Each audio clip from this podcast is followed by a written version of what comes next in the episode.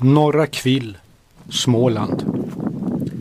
Samma dag som jag ska se på den berömda kvilleken har tidningen rubriker om djupa hål i regeringens budget, att fredshoppet är borta i Afghanistan och att Japans huvudstad Tokyo kan försvinna om hundra år. På sätt och vis är det väl därför jag är här, i Kvill naturreservat strax norr om Vimmerby. Här står Sveriges till omfånget väldigaste ek.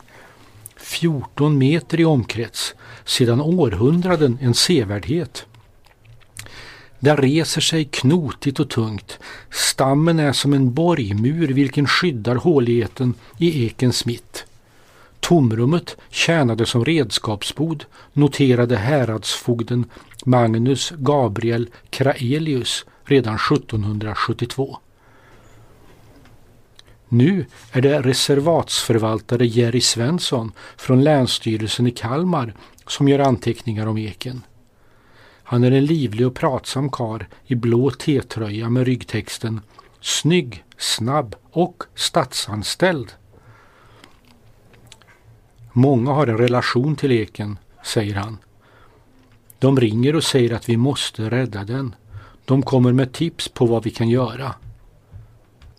En handikappanpassad grusgång löper genom två hagar fram till eken. Tre män i 30-årsåldern poserar och tar bilder av varandra.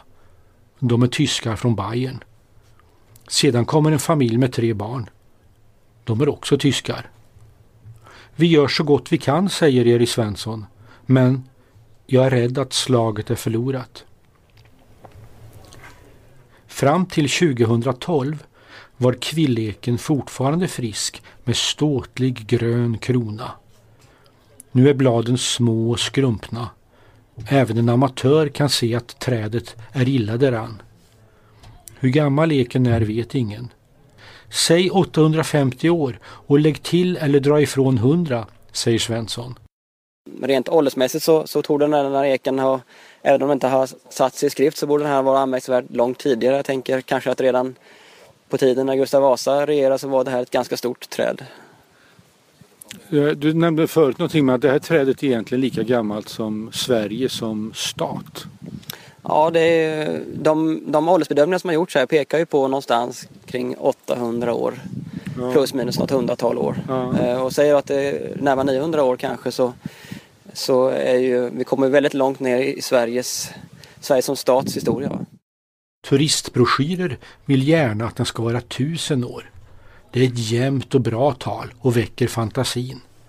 Jerry Svensson säger Du kan säga att eken är lika gammal som den svenska staten. Det är sådana tankar som skapar känslor. En ek står för stabilitet och styrka. Förr planterade man vårdträd på gårdarna och så länge trädet växte och mådde bra gick det gården väl. Svensson säger de som var smarta planterade träd med hårt virke som växer långsamt och dör långsamt. Förr sa man att en ek, den växer i 300 år, står stilla i 300 år och dör i 300 år. Teoretiskt finns ingen maxålder. Oftast dör träden av sjukdomar eller bryts sönder i stormar men om man rätt vårdar eken kanske den kan fortsätta att leva och leva. Därför har svenska staten, den som växt tillsammans med kvilleken, ända sedan häradsfogde Kraelius dagar tagit hand om trädet.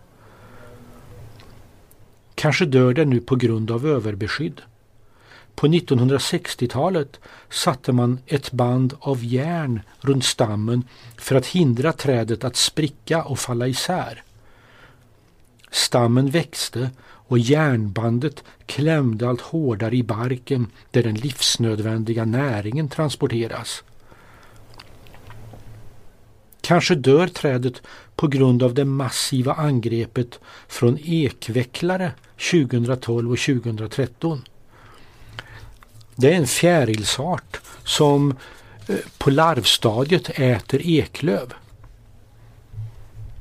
Kanske dör trädet av svampangrepp. Kanske beror dess dåliga kondition på en kombination av dessa tre faktorer. Experter från Sverige, England och Tyskland samarbetar för att finna svar och botemedel. De har röntgat och gjort kemiska analyser och besprutat löven med algextrakt. Jag går på det mjuka lager av ekflis man lagt runt trädet för att ge de ytliga finrötterna extra näring. Det mörknar. Borta i väster växer gråsvarta moln. Turisterna tjattrar. Snart blir det regn. Eller så dör trädet för att det är gammalt och trött och inte orkar vara med längre, tänker jag. Den sista meningen här förvandlar växten till en varelse med medvetande. Gamla träd gör sånt med oss. Det är ju därför turisterna kommer hit. Det är därför Jerry Svensson säger Det här trädet ger oss kontakt med det gamla. Han visar ängarna där det betar kor. Om vi hade sett det här landskapet 1850 hade vi nog svimmat av lycka, säger han. Så många gamla träd spridda mellan beteshagarna. Vi hade mycket ek här. Astrid Lindgren beskrev just den här trakten. Här finns förebilderna till Bullerbyn och Lönneberga. Och här finns det verkliga Mariannelund dit Emil åkte häst och vagn för att besöka läkaren. Det var innan Sverige industrialiserades och innan landsbygden förvandlades till en granplantage i skogsindustrins våld. Tänk om eken kunde tala, säger Jerry Svensson. Men då säger jag som kommer från Stockholm att den står ju mitt ute på landsbygden, kanske inte har sett någonting. Men det var mycket mer människor förr än vad det är här idag. Ja. Hur var bygden här då, då för 200 år sedan? Ja, mycket mer levande, mycket torp, mycket bönder, drängar, pigor. Ja. Öppet landskap. Så det var liksom här passerade folk hela tiden tror du? Ja, alltså, de brukade miljön här. Det var ju mycket djur omkring här. Sen är det klart att vi har andra turistströmmar. Det hade man ju inte kanske på den tiden. Men, men, men det var ju ett levande landskap. Det har ju inte så här tätt med skog runt byarna kanske som man har, man har nu då. Skulle den då berätta om legoknektarna som bondeledaren Nils Dacke påstås lät hänga i grenarna? Om alla pigor och drängar och bönder och bondmoror som vilat i lövens skugga. Alla barn som klättrat och på sina ställen slitit ut barken så att stammen ser ut som gammalt vitt ben. Men kvilleken berättar redan något för oss. Att ett gammalt träd väcker sånt engagemang handlar inte om sentimentalitet utan om något större och bättre. Att vi har råd. Vi bryr oss. Vi bor i ett bra land.